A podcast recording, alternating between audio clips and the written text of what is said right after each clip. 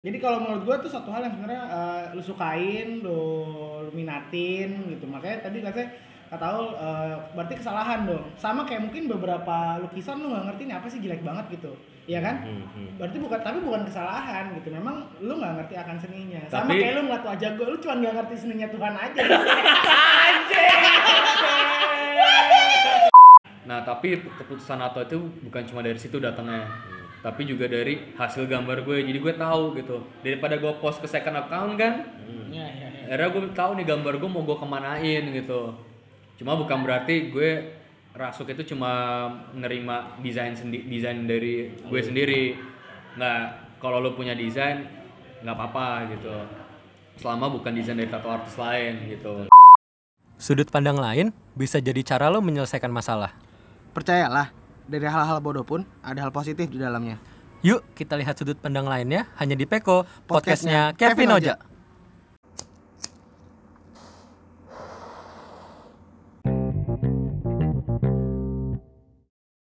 Peko peko. Wah, Iya iya iya. keren. Harus ada lu nya ya? Harus. Uh, welcome back to Peko, this is your host Kevin. Biar keren. It's been a while ya. It's been a while. It's been a Literally. while. Kita kita mau keren aja. Iya. Uh, balik lagi, uh, sapa dulu para pendengar kita, para Peko people. Ini bayar berapa? Kita kita nyingkatnya Popo. Halo Papa. Wah, tahu, tahu, tahu. Wah, keren. Kita nyapa pendengar kita Peko people. Di mana People. Ya. Uh, balik lagi sama gua Kevin. Sama gue Oja. Jangan lupa disapa dulu. Assalamualaikum warahmatullahi wabarakatuh. Waalaikumsalam. Salam sejahtera, Om Swastiastu, Namo Buddhaya, salam kebajikan.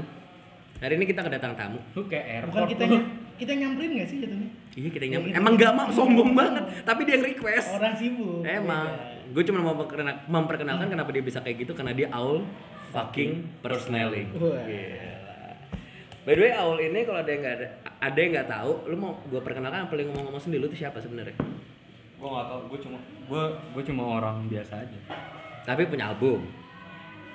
Gue ya, gue Aul gitu. Ah. Ya terserah orang lihat gue tuh sebagai Oke. apa. Iya, kalau gue sih menganggap lu sebagai seseorang yang udah punya album dengan nama All Fucking Persneling, Ya, ya. punya EP, punya karya banyak, cukup banyak yang mendengar. Lu udah punya uh, segmen sendiri sih. Dan lu orang pertama yang ngomong gitu. Kenapa? Sisanya ngomongnya Aul tuh orangnya orang yang brengsek. Oh. Nggak lah, bercanda. Tapi Iya. ya brengsek sedikit. Gue Eh, sih iya. nggak muna ngomong Kalau kalau lo bilang lo brengsek, brengseknya sebelah mana? Apa? Brengseknya tuh di bagian apa? Oh, ini siapa ya? Wah. Ini host kamu, host acara ini dong. Iya, iya, iya. Kayak kalau ini ada Karnilias, ini ada Najwa Shihab gitu. Enggak, nggak ada featuring gitu. Oh, nggak ada featuring. ada satu acara ada ya? itu. Berantem Oh, iya, benar. Kalau ada Vincent Desta, ada Darto Danang, ada lagi di sini. Aul Kevin. Oh, iya bisa. Tuh, Aul Jadi berarti Kevin. gue emang hari ini datang ke acara kalian nih. Iya, betul. Keren. Podcastnya Kevin Sibuk Aul. aja sama HP lu terus. Eh, emang. Yang bentar bang, lagi nge-review dikit bang. Nggak dia mau Bucin, lagi bucin, Enggak, eh biasa. Milenial, bucin. Nah, berangkat dari yang tadi udah gue memperkenalkan bahwa Aul ini eh, seorang musisi. Lu menganggap diri lu bidang lu ada di seni nggak lu sebenarnya? Gue pengen membuka ini Iya. dengan itu. Nah, kalau lu bilang iya, seni itu definisi buat lu tuh apa? Kan seni itu luas. Kalau lu buka di KBPI pun Seni itu sebenarnya luas banget. Even tiap orang itu bisa menganggap sesuatu apa orang itu punya seninya masing-masing. Mm. Nah, kayak misalkan Oja gini kan, siang dia jadi sales kan. udah enggak Enggak. Nah, tapi kan sales parfum masih kan? Masih, Ah. sama masih. Sama Makanya ini. lu nggak lu nggak nyium bau gue wangi wangi. Iya. sama ini Wangi sales, mayit. sales LKC Sirotastri. Tau Eh. gak lu LKC Sirotastri? Udah udah, nani kore. Ya, Yakul Yakul. Nggak tahu gue. Anjing lah. Terus Ya pokoknya ya kayak misalnya Oja gitu. hmm. sales ya itu kok ketika dia nyaman situ menurut dia dia bisa bebas di situ itu seni buat dia Oke. Terus kalau lu sendiri sebenarnya berarti lu gini, kalau lu ngomong kayak gitu, gue bisa ngerti bahwa seni menurut lu adalah universe nggak? seni sangat universe tapi Kayak- menurut gua pribadi Hmm. seni itu adalah sesuatu atau sebuah ekspresi yang nggak ada limitnya sih Hmm. Soalnya gini, eh coba gue sebelum gue berini, lu lu punya pendapat tentang seni nggak aja? Seni. Seni itu Kalau mau ke kamar mandi. Enggak sih, itu itu udah kelu, di kamar mandi, Bang. Oh iya iya. Seni water. Seni water. Iya, benar. itu itu bisa jadi merek loh itu namanya. Kangen water. keren. Seni water jadi merek. Art water. Jadi kalau seni itu menurut gua, menurut gua itu seni itu sesuatu yang lu sukain aja. Kebayang nggak? Enggak. Berarti ketika lu suka sama cewek, wah dia sangat seni sekali. Oh iya iya iya. Seni Jadi- Tuhan ya. Iya, gitu. Jadi suatu hal yang sebenarnya lu sukain aja. Walaupun sometimes banyak orang yang nggak ngerti, banyak orang yang juga nggak suka. Jadi dari statement lu tadi ngeiyain itu berarti ketika lu ketemu cewek cantik itu lu anggap sebagai seni Tuhan. Maksudnya gini loh. Iya kan? Nah, ketika gua ngeliat muka lu berarti itu sebuah kesalahan Tuhan. keren, keren. Belokinnya keren. Mantap. Jadi Peko sekarang bertiga, guys. Bisa sih masuk. Bisa juga sih maksudnya tapi eh, itu kan definisi makanya definisi lu berarti tidak suka sama gue. Iya nggak suka lah. Maksudnya nggak suka karena Gue punya cewek, gue punya cewek aja. Ya, gue jadi oke, gay oke. pun juga nggak sama lu juga. Sama Kevin. Enggak juga. Enggak juga. Mau podcast sebelah kali. Oh, podcast sebelah. Terus Kita foto dulu nggak ini? Wah. Laporan dulu. orang. Terus terus ya. Jadi kalau menurut gua tuh satu hal yang sebenarnya eh, lu sukain, lu, lu minatin gitu. Makanya tadi katanya kata Aul eh, berarti kesalahan dong. Sama kayak mungkin beberapa lukisan lu nggak ngerti ini apa sih jelek banget gitu. Iya kan? Hmm, hmm. Berarti bukan tapi bukan kesalahan gitu. Memang lu nggak ngerti akan seninya. Sama Tapi- kayak lu ngeliat wajah gua, lu cuma nggak ngerti seninya Tuhan aja. Anjing. Keren. Keren. Dibalikin. keren, keren, keren. Comeback, comeback. Nah, intinya Counter attack-nya bagus bang. yang gue tangkap dari Oja tuh adalah gini, dan gue setuju gitu. Udah ya, kayak host aja dia. seni seni itu nggak ada batasannya sih. Seni itu nggak ada buruk, nggak ada Ya. indah. Seni itu nggak ada salah, nggak ada benar. Iya iya. Gitu. Dan eh, kalau masalah ngomongin seni, ya, ini secara formal dulu menurut gua di KBBI aja kalau seni itu sebuah keahlian. Makanya gue bingung nih, seni itu dia bukan sebuah se- bukan sesuatu dibilangnya seni itu keahlian membuat karya yang bermutu.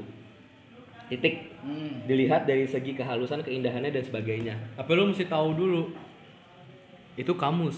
Makanya gue kan makanya bilang ini dari sisi formal ya. Ketika gue bilang dari sisi formal, gue cukup ya kan preferensi bisa beda dong kalau preferensi gue tapi, sesuai tapi sebenarnya benar sama KBB dalam artian bermutu let's say bermutu bermutu itu Bermutu paling- dari sisi siapa, iya kan? bermutu dari sisi dia kan Nah, Kamus itu nggak punya hati. Nggak Nggak punya punya hati. perasaan. Oke. Nggak punya ekspresi.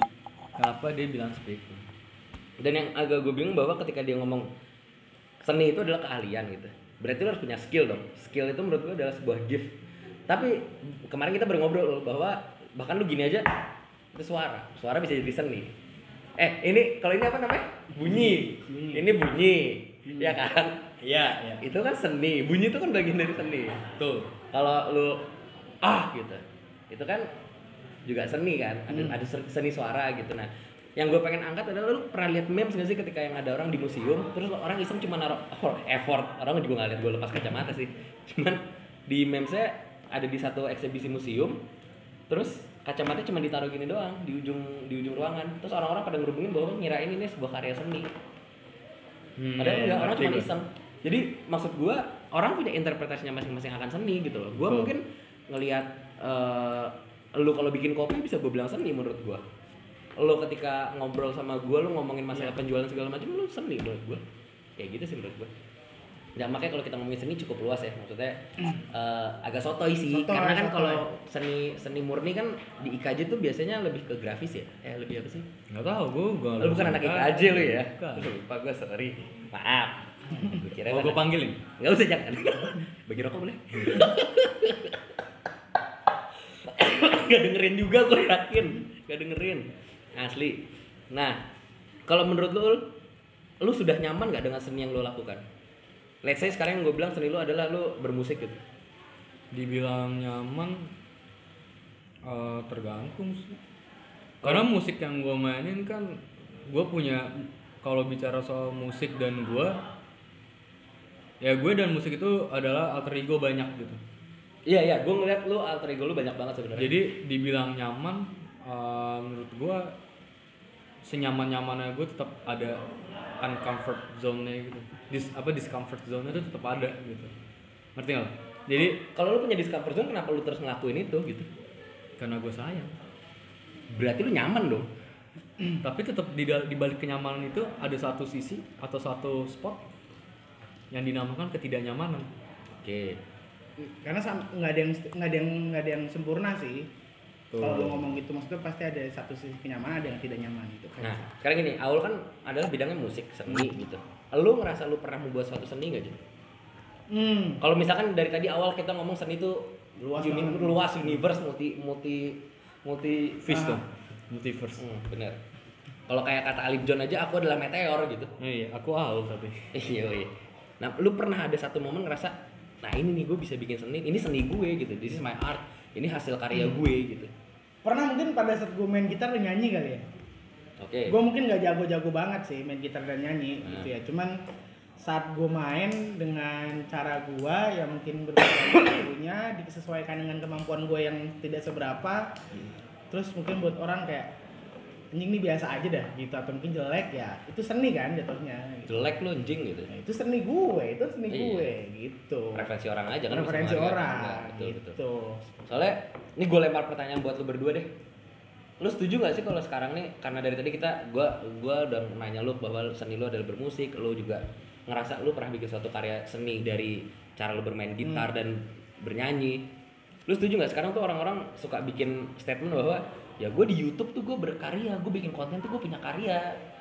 Di mana karya itu adalah seni menurut orang-orang gitu loh. Lu setuju gak sih kalau itu disamakan dengan seni ketika dia bikin konten? nah ya kita ya gue nggak gue nggak judge judgmental lah di YouTube dia bikin kontennya kayak apa gitu cuman lu setuju gak sih secara general bahwa orang-orang di YouTube nih ketika ngomong ini karya gue ini seni nih gitu kalau karya iya kalau karya iya dong kalau karya memang itu karyanya dia hmm. tapi kalau seni juga seninya dia eh seni dia dan bukan bukan mungkin bukan untuk gua gitu. Tapi kalau dia mau ngomong itu seni ya boleh gitu. Emang kalau menurut lu gimana? Emang lu nggak nganggap itu sebuah seni? Balik lagi seni menurut kan menurut gue universe ya. Bisa menurut gue ini nih uh, apronnya Aul ketika NATO Ah. dirasuk handpok tuh eh apa namanya cuma digantung tapi menurut gue itu bisa jadi seni. Apalagi ketika dia pakai pasti lagi NATO dirasuk handpok menurut gue itu lebih dari seni tuh gue masukin anjing tuh adlibs tuh bayar please bayar please anjing Tato gratis ya. Nah, soalnya gini, kalau lu tadi ngelempar juga pertanyaan apakah seni itu eh itu seni gak sih menurut lu yang tadi di konten? Tapi mereka kan selalu ngomongnya karya ya. Ternyata karya sama seni itu agak beda artinya ketika karya itu sebuah nih ya, karya Nah. adalah sebuah homonim ka- karena arti-artinya memiliki ejaan dan pelafalan yang sama tetapi maknanya berbeda. Karya memiliki arti dalam kelas nomina atau kata benda sehingga karya dapat menyatakan nama dari seorang tempat. Anjing aneh banget artinya nih. Ini? Goblok, goblok. Salah cuy. Oh ini nih, karya, pekerjaan, hasil perbuatan, buatan, ciptaan. Nah, kalau di sini kan ciptaan. Kalau seni kan tadi ada mana sih arti kata seni anjing lah. Goblok. Kalau seni kan tadi lebih ada ada hasil yang sebuah apa sih tadi artinya seni itu kalau di KBBI? Eh, yang eh, berkualitas tuh Berkualitas lah ada Nah, ada. Bermutu, bermutu bermutu, bermutu gitu. Wah, keren lah Allah keren Berarti kalau misalkan menurut KBBI kalau dia bilang karya itu oke gitu. Masalah bermutu atau tidak bermutu kalau bermutu mungkin bisa dijadikan seni. Nah, lu jawab dong. Apa tuh? Ya orang kalau di konten bikin konten di YouTube apa di sosial media di, di Instagram itu Ya. bisa disebut sebagai karya seni nggak? Ya bisa sih. Dasarnya apa? Hmm? Dasarnya apa? Ketika mereka bisa berekspresi di situ, cuma nggak semua ya. Ya, karena kan ya kalau lo lihat ada aja kan yang Hmm. asal Ya, asal dapat duit ngerti nggak lo? ya. Cuma ya selama mereka bisa berekspresi di situ ya udah aja sih. oh ya mungkin seni juga bagian dari ekspresi, Ekspresi. kali ya Tadi udah gue ngomong. iya iya oh iya udah ngomong ya Kuping tuh sepi. Kan udah ketahuan nih arahnya ke sana nih Situ Titi DJ. kenapa itu Ekspresi kan di Mari berkarya dengan puisi dan taelan. Nah, ya bener sih menurut gua kalau dia bilangnya karya itu adalah ekspresi, ya ekspresi kan bisa, gua nggak bisa abstraksi sih menurut gua ekspresi itu kayak bisa bentuknya apa aja gitu. Betul. Nah, ada lagi yang dari tadi tuh ada di ngomongin masalah eh, lo tadi ada kata-kata bahwa lo ada sisi nyaman tapi ada sisi discomfort ketika lo melakukan seni lo yaitu bermusik. Itu lo sama kayak ini gak sih? Kayak gue itu sakit tapi kok nagih gitu. Iya, iya. Betul. Kenapa lo masih mau ketika itu sakit dan nagih alasannya apa sih sakit Karena gue sayang.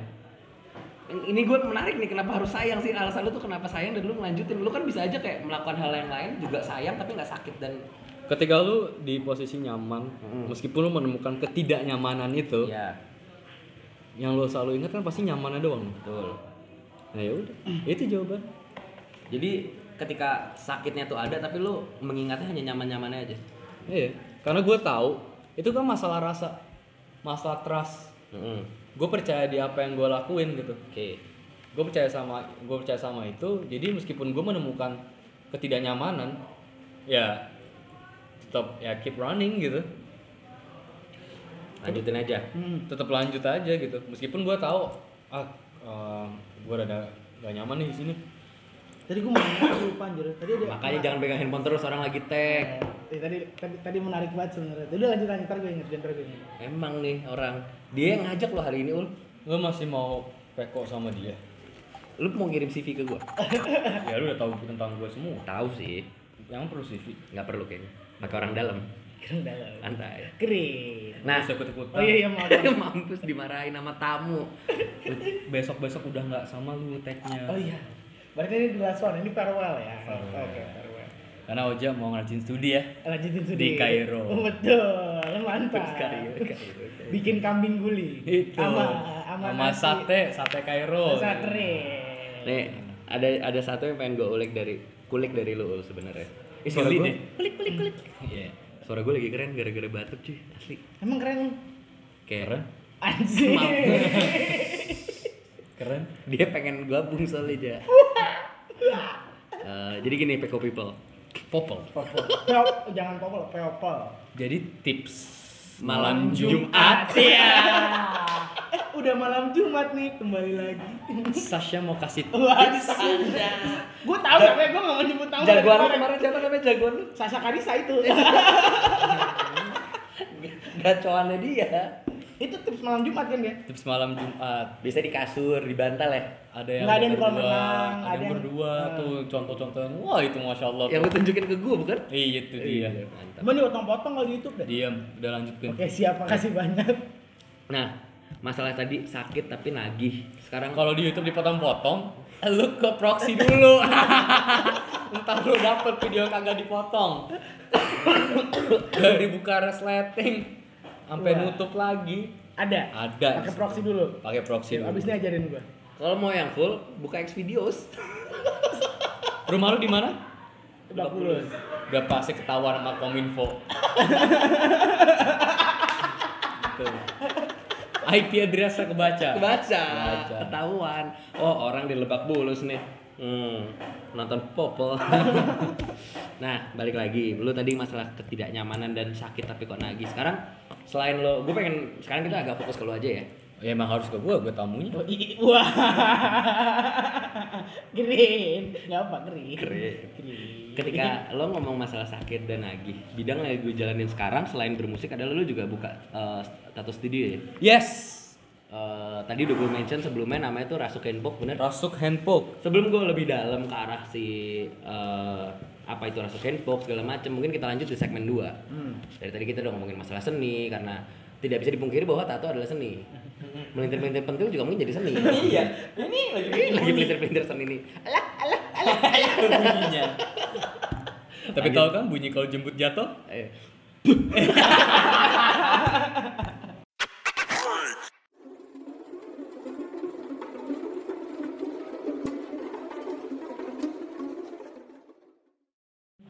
Maka jangan pakai ini Jo, jangan pakai Gue jadi kan kan peler gue nih gini, bulunya tuh jadi begini, semua garis gini. Oh jadi gitu kalau lo pasang jembut. Anjing. Aduh. Silakan. Ya, silakan, silakan. Iya, mangga. Eh, tuh.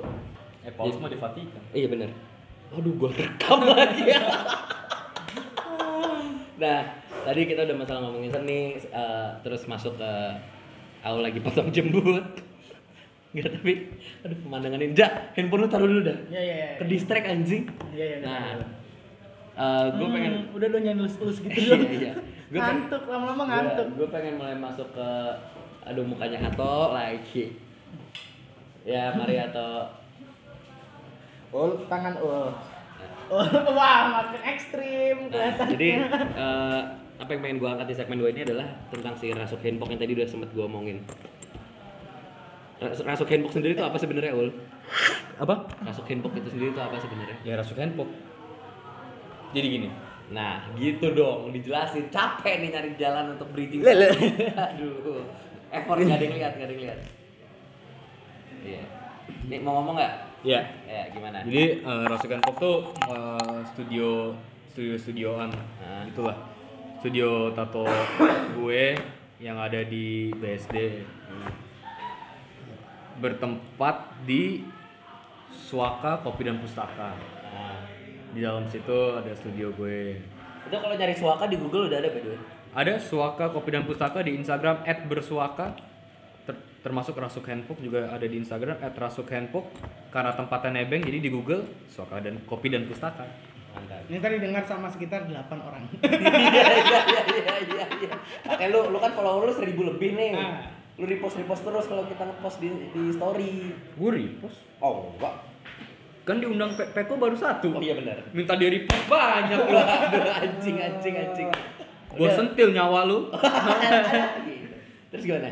Apa? Terus gimana? Rasa Kenbox adalah sebuah studio tato, studio-studioan, tapi Ya, sudah sudah. kenapa? Tapi proper aja. Iya, gue tahu.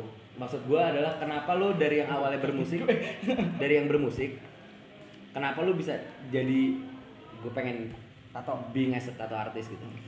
Eh, cerita awalnya tuh Oh, ini gue serius nih. Iya, udah dari tadi gue pengen serius. Jadi gini. Siapa? Yaudah, yaudah. Cerita awalnya tuh sebenarnya berangkat dari Tuh, tuh, sebelum ini, jadi gini Peko People ngomongnya gitu. Jadi gini, up people atau People. people. Oh. Cerita awalnya tuh berangkat dari eh, gue gue dulu suka ngelukis. Ya. Tapi cuma sampai SMP. Berarti emang dasarnya tuh suka berseni ya? Harus diakui dong. Iya, saya dibilang gitu. Iya. Karena dari keluarga juga banyak ngelukis juga, ada yang ngeluk apa? Enggak, masa sebagian ngelukis juga gitu, Iya, cuma hobi gitu. nah, eh, terus gue ngeliat tante gue, tante gue tuh dari yang nggak bisa ngelukis, belajar lukis, sampai bisa bikin exhibition sendiri. Dan waktunya tuh nggak yang dia belajar itu nggak yang 10 tahun gitu nggak. Kurang dari lima tahun tapi dia udah bisa bikin exhi- exhibition dia sendiri. Dan lukisannya emang bagus gitu. Gue suka gitu. Lukisan realis gitu. Nah berangkat dari situ gue berkaca sama diri gue sendiri bahwa gue tuh dulu suka ngelukis. Gitu. Even gue dulu pas SMP masih inget di momen di mana gue bisa gue bilang ke diri gue gue bisa ngelukis itu ketika ada kelas 9 ada tugas pelajaran seni ya gambar. Seru ujian prakteknya melukis. Teman-teman gue bawa contoh guide lukisan guide foto yang gede-gede gitu. Gue cuma bawa kalau tau pemain MU tuh tahun 2007 2008 tuh ada Anderson. Nah, Emang tahu lu tahu lah hitam. Waduh, Rambutnya panjang. Jangan ngomong itu, Mbak. Tiem. Tiem TM oke. Orang Brazil tuh gue itu ngambil dari majalah. Gue potong kecil. Gue jadiin di kanvas yang lumayan gede. Dan jadi itu lukisan. Hmm. gue juga bingung. Ternyata gue bisa ngelukis gitu. Gue kaget juga. Dan itu tanpa gue bikin guide pakai pensil. Jadi langsung langsung ngecat. Itu goblok. Pakai cat air, pa- pakai cat akrilik waktu itu pasti. ya? iya iya. Dan dan step by step materinya tuh pas kalau sesuai teori di kelas itu harus lu bikin guide dulu pakai pensil. Ya. gue enggak. Dan mm, gue nggak pakai tuh bukan karena emang gue nyadar kalau gue pede, pede gitu enggak. Karena gue emang lupa. Lupa bawa. lupa lupa nggak Lupa bawa. pakai pensil aja. lupa nggak pakai pensil. Gue tiba-tiba langsung aja srek srek srek. Tiba-tiba pas gue ngewarnain jadi gue kaget. Dan gue juga baru nyadar anjir gue nggak pakai pensil nih dari Sombong. situ sombong sombong Karena sombong adalah Fasilitas. fasilitas pas gue itu sampai gue akhirnya SMA tuh baru cuma suka gambar-gambar di di kertas tapi gambar buang gambar buang SMA di mana lu? nggak usah nggak usah nggak usah Gak kan tek. gue SMA dengan bangga di Apus 3 Keren. tapi terus pindah Oh iya siap. homeschooling Oke. Nah, eh, SMA tuh suka gue cuma suka gambar-gambar di meja, tapi gambar-gambar terus gue kasih tulisan apa-apa apa yang kayak gitulah gitu. Nah, bisa adanya rasuk ini atau tiba-tiba gue lah apa ya geser ke merambah dunia pertatoan Menurut menurut gue sih sorry gue potong. Menurut gue sih lu nggak bergeser sih. Lu cuman memberikan satu- Medianya, medianya. satu uh, apa platform. Anak alter ego lu yang lain lagi gitu. ya Tapi lu maksudnya masih jalan kan? masih mus Berarti masih cuma nambahin aja Dia sebenarnya. punya alter ego lain yaitu ketika dia Iya. punya punya Aul terus punya Aul persneling dia punya lagi satu lagi Rasuk udah gitu doang udah tuh. Mas Pur. Oh iya sama Mas Pur. Terus Nah, satu pas gue gue musik juga lagi struggling juga, lagi banyak banyak ngurusin rekaman dan sebagainya. Terus gue butuh satu income yang pasti lah gitu kan. Eh, karena gue suka gue suka gambar, gue suka bikin desain, belajar untuk membuat desain. Eh, eh, apa namanya? gue ada kepikiran untuk temen gue nawarin untuk kerja di agency gitu temen gue nawarin untuk kerja di agency cuma gue nggak siap Hmm. karena pertama gambar yang gue suka itu bukan gambar yang bisa intinya gue nggak mau diatur orang lah. Ketika lu udah masuk ke agency iya sih, itu. ya kan? Ada- ada lu ngikutin klien iya itu gitu.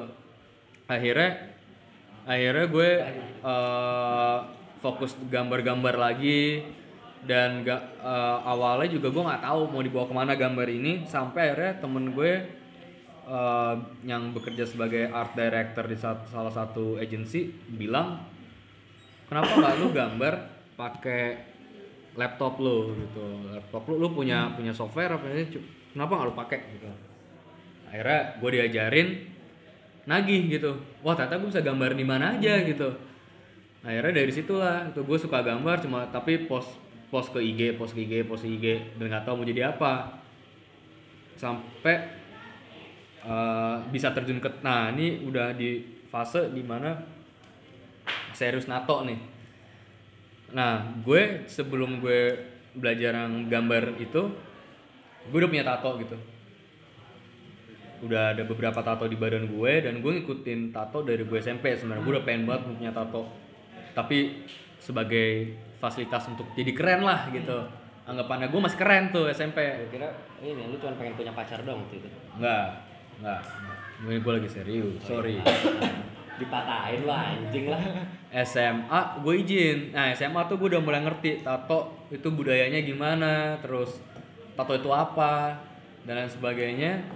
Gue izin lah ke nyokap untuk bikin tato. Nyokap gue nggak ngizinin karena gue belum kerja dan lain sebagainya. Akhirnya lulus SMA, kuliah, gue juga kerja, udah ada penghasilan, gue nato gitu. Dari situ baru gue belajar akhirnya belajar nato mesin awalnya. Tapi gue nggak pernah natoin orang karena gue nggak interest gitu. Nato megang mesin nggak tahu kenapa.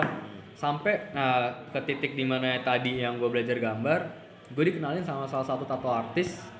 Eh, shout out buat Jolie and Pokes Grim. Eh, akhirnya gue bikin appointment sama dia dan gue karena gue tertarik gitu dengan handpok jadi Tapi sebelum saat itu emang lu udah bisa nato sebenarnya. Belum. Tapi nggak pernah natin orang. Oh belum. belum. Gue cuma belajar SOP dan lain sebagainya. Cak mesin dan lain sebagainya. Cuma gue belum pernah nato gitu. Gue ketemu dia gue perhatiin SOP nya segala macam eh ada bikin appointment gue udah gue dan sebelum bikin appointment gue udah ngulik tentang handpok itu sendiri akhirnya dari situ gue bilang gue dia nanya lu udah punya tato begini begini ini kenapa lu mau handpok gitu. Ya gue pengen belajar gitu. Akhirnya diajarin. Dari situ akhirnya gue tahu gue mau ngapain gitu. Dan akhirnya gue memutuskan untuk beli alat-alat lah semuanya itu gue beli. Gue beli buat gue latihan. Ada duit. ada waktu itu. Mantap. ada. Keren. jadi gue beli kulit bohongannya tuh kulit buat Ya, latihannya sintetis. sintetisnya buat gue latihan. Akhirnya eh gue kanvas pertama gue temen gue sendiri. Shout out buat Gabriel. Dari? BBW Podcast. Mantap. Keren masuknya bagus. Terus? Nah di situ eh gue tatoin dia. Tato simple tuh kelarnya 2 jam. Iya. sampai keringetan keringetan udah pusing tuh. Tapi gue puas gitu karena gue juga kaget. Anjir gue bisa nato Nyet. malah pertama kali di kulit orang gitu sampai deg-degan mampus. Apa? deg-degan. Enggak seru. Gapnya dengan gue rasa sih. iya. Aduh, aduh, aduh. tapi at the end dia nambah nambah dua tato lagi Iya. di gue.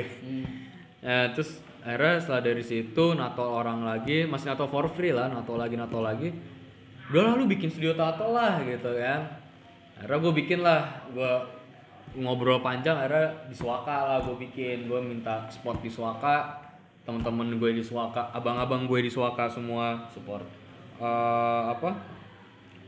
Support gue banget dan dan mereka juga yang yang yang yang mengencourage gue untuk oke lu bikin studio tato aja gitu. Buat salah satu income lu lah gitu. Akhirnya ya udah gue nato.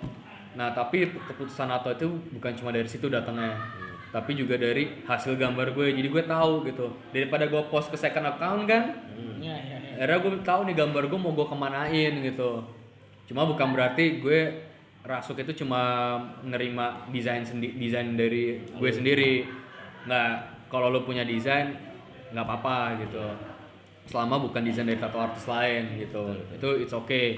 Tapi ya kalau pakai desain gue ya kadang gue suka BM aja gitu. Iya, iya. Salah satu contohnya appointment buat besok.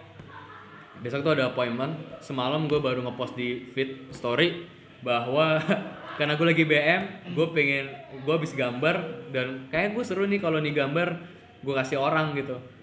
Dan lu cukup bayar seikhlasnya. Itu kalau gue lagi mood gue lagi kayak gitu aja nggak apa-apa. Jadi gue excited banget buat besok gitu. Jadi kalau pakai desain gue kadang gue suka seenak jidat aja kayak gitu gitu atau bahkan kalau emang kayak desain yang gue susah banget gue pasti bakal dan gue merasa kayak oh gue pengen nih gue belum pernah nato orang kayak gini. Pengen deh coba. Ya gue akan ngasih tato for free. Itu bisa aja. Gitu. Yang penting lu follow dulu Rasuk Handpok Oh iya, langsung handpok ya, di follow ya. Follow. handpok. masih murah kok. Termurah. Nah, yang gue pengen gue tanyain justru arahnya tadi pas di awal lu bilang lu nggak ngambil kerjaan di agency dikarenakan lu nggak mau terikat dari uh, karya lu itu terikat dari keinginan klien. Bukankah saat lu menjadikan Rasuk Handpok ini sebuah pendapatan, ada orang yang datang, orang yang datang customer itu kan bagian dari klien, sama aja sama dengan klien. Ya, gitu. setuju Berarti gue. Dia akan meminta sesuatu yang sebenarnya sesuai dengan keinginan Dia. dia. Bisa jadi tidak sesuai dengan keinginan lo.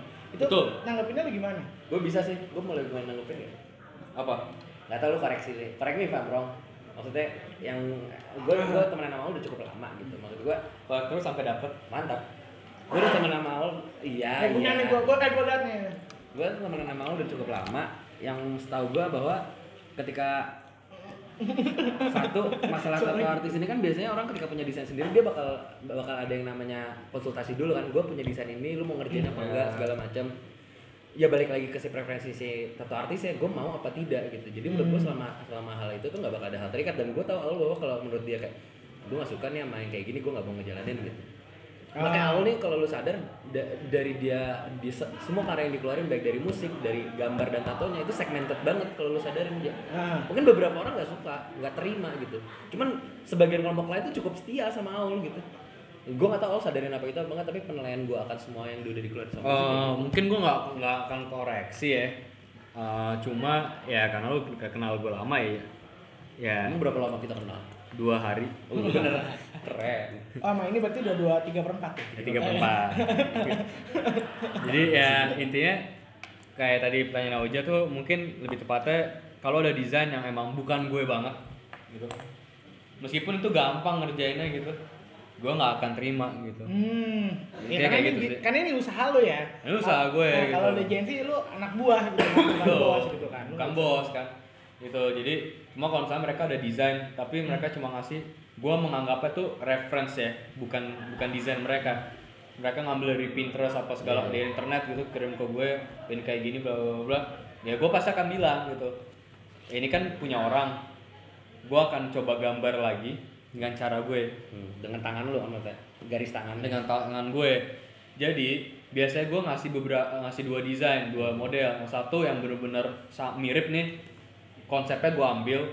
Yang satu yang satu ya konsep apa ya gimana ya? Yang satu sesuai pref- referensinya dia. Lu kembangin. Gue kembang gue bikin beda lah sedikit gitu cuma yang satu lagi gue bikin yang gue gitu. Tapi genrenya sama gitu ya, genrenya beda kayaknya beda konsepnya sama gitu. Kira-kira nih lo maunya gimana? gitu. Misalkan ada dia mau hoodie A gitu. Referensi dia kasih A nya tuh begini gitu. Nah terus ya gue akan bikin yang A yang dia kasih itu akan gue bedain sedikit di bagian mananya lah ntar gitu kan lalu gue bikin A yang gaya gue entah itu ada ada bengkoknya ada tekungannya beda yang kayak gitu ntar gue suruh pilih gimana tuh kalau gue sih gitu Berarti emang niche banget ya jatuhnya, niche Benar, market banget. Dan kalau ngomongin soal niche tadi, berarti biasanya kalau niche itu tuh uh, bisa bisa dua, bisa harganya tinggi banget, bisa harganya rendah banget. Kalau lo harganya berapa sih di sini? Kalau gue di Rasuk itu 150 150 ribu. Itu dihitungnya per apa? per jam, Per jam. per jam, hitungannya per jam. Jadi Oh, kalau tato tuh per jam ya hitungannya ya? Ba- beda-beda ada yang per jam, ada yang per senti. Ah. Berapa kali berapa minimal itu segini. Cuma kalau gue eh, ngitungnya per jam gitu. Eh, dan masih banyak promo dan masih ada promo. Hmm, tuh Salah satu ya. contoh promonya promo pertama tuh ada namanya promo BM atau promo mood gue. Hmm. Jadi itu kalau gue punya desain dan gue pengen banget ini nempel di orang gitu di badan orang, ya gue akan inform ke story ini mau nggak lu bayar seikhlasnya aja lah gitu. Worth it berapa menurut lu sok gitu terserah. Cuma eh, promo yang lagi sekarang juga lagi jalan tuh sampai tanggal 22 nanti tuh ada promo eh, 30% itu untuk tato pertama lo di hidup lo gitu benar-benar tato pertama dirasuk itu 30% lalu 20% itu untuk tato kedua lu dirasuk jadi lu udah dua kali nato dirasuk lu dapat 20% dan 10% untuk lo yang udah punya tato sebelumnya tapi pertama kali dirasuk bagus ya Keren. teknik marketingnya bagus loh. Banyak loh, banyak ininya, Iya, pricingnya banyak. Ini bagus nih. bagus keren. bagus Nah, gue penasaran lagi. Ini nih, ini karena gue nggak tahu apa-apa ya soal tato ya sebenarnya. Gue penasaran banget soal handpoke. Hmm. Apa bedanya handpoke sama tato? Handpoke itu tato. Itu teknik. Jadi sebelum ada me- apa mesin tato mesin, sebelum ada mesin tato, dulu tuh pakai tangan. Kayak di Dayak ada Aha. jarumnya pakai duri atau dan sebagainya di Maori di Jepang. Itu teknik yang sama gitu handpoke nah cuma di ha- handpoke modern eh, itu kita pakai jarum tato yang buat di mesin cuma kita ini ngerjainnya pakai tangan Eh, oh, berarti kalau mesin memang nggak ada ikut eh, apa campur tangan manusia tuh nggak ada. Ba- ibaratnya. Ada. anda kan lo megang mesin ya bang megang mesin Enggak, kalau yang injek di- pedal Kalau yang di tato mesin tadi. iya injek pedal ada pedal kan di bawah Hmm. kayak lu ngejahit gitu Ah, ah, ah. jadi kayak gitu jadi diinjek tar terus nyala der gitu cuma kalau handpoke bener tangan Oh, keren sih, menarik sih, menarik. Kapan-kapan mungkin lu bisa ngeliat awal Iya, gue penasaran dulu pengen lihat uh, proses natonya. Seru sebelum sih podcast lu tag hari ini nih tadi gue harus ada nato. habis nato tadi dia. Telat dong kita datang berarti. telat. Besok kalau mau. Telat. besok cewek soalnya. Hari ini di juga mana di cewek. mana posisi tatonya di mana besok? Kalau besok kemungkinan di ribs oke. Kalau yang tadi di collarbone bawah dikit Eh, cewek juga tadi. Cewek juga. Gila. enggak lah enggak lah enggak lah.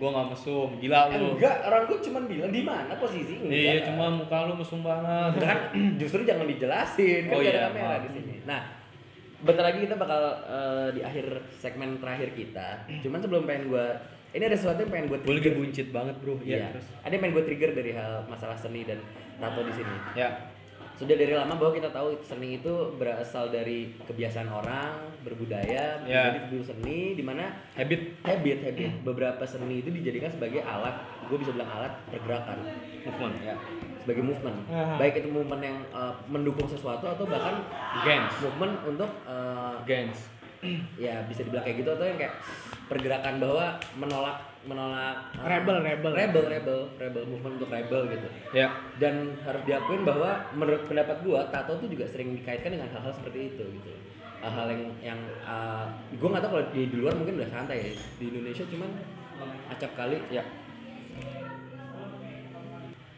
sering kali bahwa kalau di Indonesia tuh kan ya kita pernah ada satu satu masa di mana orang Ya. aja seperti itu Sana buruk gitu ya, padahal hilang enggak. hilang orang punya tato hilang kita punya masa di mana seperti itu gitu. Padahal nggak semua orang bertato itu juga penjahat gitu loh. Hmm. nah menurut lo sebagai lo yang orang sekarang memiliki tato dan lo sebagai tato artis Ah, gue minta pendapat ini lo gue mau nge- mau Mungkin ngasih juga- respon dari yang lu bilang apa era atau ya, ma- satu- periode satu masa. periode di Indonesia. Eh, buat gue siapa pun yang berkuasa Hmm. siapa pun yang berwenang dia bisa mengubah sejarah. Oke. Nah yang ber- siapa pun yang paling kuat yang Hah? memegang sesuatu itu pasti bisa mengubah sejarah. Oke, lanjut. kenapa? Karena tato itu sendiri itu sebenarnya bu- bagian budaya dari Indonesia. Betul. Salah satu tato tertua di dunia ada di Indonesia. Di mana? Tepatnya Ul? di Dayak dan Mentawai. Itu paling tua di dunia salah satunya. Salah satunya salah duanya lah. Salah dua oke. Ad- itu tertua di dunia itu ada di Indonesia tapi di zaman itu Hmm. periode itu entah kenapa diasosiasikannya dengan orang yang rebel orang preman orang nggak bener.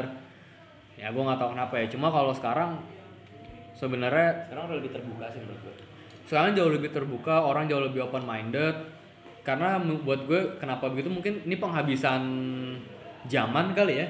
Jadi orang-orang yang hidup di zaman dengan norma seperti itu udah penghabisan gitu. Salah satunya eh, nyokap orang tua kita gitu. Itu bener-bener kayak barisan terakhir. Betul. Setelah ke generasi kita udah nggak ada gitu. Paling gitu sih. Jadi buat buat gue tato tuh bukan sebuah lambang lambang untuk rebel apa segala macam enggak kalau misalkan tato itu sebuah la- lambang rebel mungkin semua orang bakal punya tato naga semua orang bakal punya tato scorpion yang benar-benar bisa bikin orang wih takut gitu kan kalau tato itu sebuah hal yang rebel nggak mungkin gue nato potret gue sama mama gue kan unyu banget ngapain gitu itu itu salah satu tato yang paling gue suka di awal sih Nah, itu apa ya? Buat gue tato itu bukan juga sebuah pergerakan sih. Tato itu le- lebih cara lu eh, menunjukkan identitas, ekspresi diri kan mengekspresikan diri lu dan tato itu juga buat gue itu tato itu sebuah sebuah identitas gitu. Karena eh, dan juga personality. Entah kenapa lu bisa ngeliat personality orang dari desain tatonya dia. Iya. Kayak lu ngeliat personality orang dari playlistnya dia. Kayak gitu sih. Kalau gue ngeliat kenapa ada yang kayak lu bilang kenapa ke sana nakal, rebel, buruk, penjahat, mungkin karena mayoritas negara di negara kita itu Islam. Which is di Islam itu sebenarnya tato kan tidak diperbolehkan sebenarnya. tato siapa Yang gue tahu sih seperti itu. Gue Islam. Iya makanya gitu kan sebenarnya. Eh kok tidak tidak ada persisian bang? Gitu. Di Arab. Bukan ini bukan Arab. Anjing lah. Lu anjing lu Lu ngeliat Arab gue dari mana sih? hidung. Lu cepet Ya, ngomong. Ya gitu. Maksudnya eh, mungkin karena mayoritas tadi lah akhirnya hal-hal yang di luar norma keagamaan dianggapnya buruk. Kebayang gak sih? Ya. Nah, let's say kayak misalkan pacaran gitu. Nah, pacaran tapi, itu ya kan? tapi gini ja, ini gue nggak gue mesti nge-stop lu dulu. Ah, gimana gimana? Eh, lu bilang gue nggak tahu ya, ah. tapi secara agama dilarang misalkan Ah. nih. Yang gue baca, tato yang dimaksud adalah mengecat rambut, kuku Aha. perempuan eh, laki-laki yang mempunyai habit seperti perempuan. Oke, ha. Itu yang gue baca Ah. gitu. Hadis yang gue baca seperti itu. Di situ nggak di gue nggak tahu itu raja merajah tubuh tuh ada apa Ah, enggak Ada yang dilarang atau enggak gitu ya? Iya karena uh, dari dari waktu gue dulu baca hadis itu itu buat gue rancu gitu. Hmm. Ini nggak nggak saklek gitu. Oh, ini nggak nggak fix. Jadi artinya ini bisa macam-macam. Jadi masih rancu gitu. Ah. Buat gue itu abu-abu gitu. Itu satu. Nah yang kedua, uh, gue seorang muslim dari TK gue di Al Azhar sampai SMA meskipun pindah, gue di lagi dong Diulang lagi. keluar gue eh keluarga gue ah, semua muslim nggak semua ada juga yang enggak nah eh, maksud gue gue yakin gitu seyakin yakinnya bahwa Tuhan itu tidak memandang bulu umatnya. Nah, Ketika lu bener Tuhan tuh tahu ketika lu meminta dengan sungguh-sungguh apa dengan ap- apa atau nggak sungguh-sungguh dia Tuhan tuh tahu gitu. nah. Meskipun lu "Ih, ini gue bener-bener sungguh-sungguh tapi sebenarnya di mata Tuhan itu bisa aja dia tahu kalau Ah. ah, lu cuma ada maunya doang. Ah, sepik, Iya, di Ah, gitu. biji gitu. Iya, gitu kan. Tuhan tuh tahu gitu. Dan gue yakin bahwa ketika kita memi- Dah, ketika kita meminta dengan sungguh-sungguh dan semua apa eh apa namanya sungguh dan dan apa ya tulus gitu Tuhan tuh nggak ngelihat lu punya tato Tato apa enggak. enggak meskipun gue sholat Jumat tuh sering banget gue diliatin Nah, karena tato gue gitu cuma at the end gue cuma ngebatin doang kayak kenapa lu stereotip emang kalau orang apa punya tato nggak boleh sholat gitu kan eh ya. kayak gitu di, emang di masjid ada Nah. aturannya gitu tatoan nggak boleh masuk sekarang banyak kok orang yang jadi ustadz yang jadi yang jadi, jadi ulama Ya, ya, ada ada yang, yang Tato- tatonya banyak itu. tato Nah. apa di mata Ah. ada gue nggak berani tato di mata gitu kan terus juga ketika ada orang liat gue kayak gitu gue cuma ngebatin kayak ya gue punya tato sholat gitu Ah. lu nggak punya tato tapi sholat lu Wah ini bolong-bolong keren, ini keren. Gitu. Jadi Iya. jangan judge, jangan main judge orang aja gitu. Jangan tato. Ya, lo, lo don't judge people by cover tuh bener karena Tuhan tuh nggak begitu Hmm. sistemnya Tuhan nggak begitu gitu Eh, kita sudah cukup lama, udah hampir eh, Tiga hari? Dong, udah lama banget. Aduh, udah nggak, makanya gue Eh, ngantuk. Anjing. Nggak emang lu nggak fokus dari tadi. Gue Oja tuh- sesuatu. Oja tuh sering banget emang pakai Crocs dia koleksi Crocs banyak banget Enggak, kita udah pernah bahas itu di episode 2 by the way. oke Ada. Nah, eh, kita di episode ini emang nggak salam buat Kevin dari cewek gue Oh iya, salam balik. Kita di episode ini nggak ada ngomong percintaan. Peko mulai tidak sering ngomong percintaan. iyalah jangan ngomong cintaan Karena gue lagi LDR nih Iya kan kan, iya karena memang sebenarnya seni itu bisa menjadi cinta, cinta bisa menjadi seni, cinta itu juga universal seperti seni. baru Kalau- jadian udah LDR udah Kalau tinggal kalau Ya. seni itu sama dengan universal, berarti cinta juga sama dengan universal, berarti seni dan cinta itu sama menurut gue sih. Tapi btw tadi LDR ke mana? Namibia. Malaysia, Oh, Malaysia. Namibia. Ngapain lu di Namibia lu? nggak tahu mungkin mungkin dari kita Peko hari ini itu aja. Balik lagi masalah pre gue sekarang suka banget kata-kata preferensi karena orang tuh sering tersinggung karena preferensi mereka tidak sama gitu. Selama lu bisa menghargai preferensi orang lain sih menurut gue gak ada ketersinggungan gitu. Hmm. Lah gue gak tau kalau menurut lu gimana. Kalau menurut gua life is a choice. Sama dong. Iya, preferensi tapi bahasanya gue lebih lu keren. cuma ngartiin Eh, doang bentar ini kita bisa kayak gini keren-kerenan. Diam lo. bahasa gue lebih keren aja. Menurut gua life is a choice gitu. Beli. Terus? Maksudnya ya kalau lu suka ya itu pilihan lu. Ya, betul. Yang gue setuju dari awal tadi adalah dia suka ini saat ada orang lain merasa itu aneh, dia ya ya nggak apa-apa gitu. Maksudnya ya itu urusan lu, itu urusan ini urusan gue gitu. Jadi dia setuju sama pilihannya itu Betul. sih. yang keren. Ya nggak? ya hidup-hidup gue hidup-hidup lu Nah, jangan gitu. suka nyenggol ya ya gue nggak nggak nggak capek untuk jangan lupa di follow di uh, peko.podcast di Yuza Putra untuk di Instagram untuk di Twitter di Yuza Putra underscore yang sudah matanya ngantuk sekali sepertinya. Jangan lupa di follow di Kevin Poespo untuk di Twitter Cafe Post sama Poes apa pos sih? Poes Poes sebenarnya. Dibacanya apa? Pusi. Kev, Kev, Cafe Tai lah. Jauh, jauh. Jangan Iya, lupa di follow di Aul Persneling. Kalau mau lihat update tentang Aul gimana kehidupannya, keseruannya, bisa langsung di Aul Persneling sama kalau yang tertarik untuk kayak kayaknya gue pengen nato deh gitu. bisa cek di @rasuk handpoke Ya, itu banyak banyak eh, kalau lu ngerasa lu suka sama desainnya Aul, lu pengen itu ada di badan lu sampai kalau lu suka sama aulnya sorry udah taken. udah taken Iya. Oh, dari kapan sih Tekan berarti? Udah baru kemarin dua minggu lalu gua ke PIM ada dia tiba-tiba jalan sama cewek. Keren. Anjing banget emang. Eh. underground cuy underground Tiba-tiba tiba-tiba jangan lupa kalau emang lu pengen ada sesuatu karya dari awal di badan lu sampai lu eh, akhir hayat lu bisa langsung follow di Rasuk Kenpok banyak promo-promo di situ. Siapa tau kita jodoh. Betul. Itu aja sih dari Peko. Ada itu lagi? aja dari gue aul udah. Udah, udah? Udah. udah. Peko cut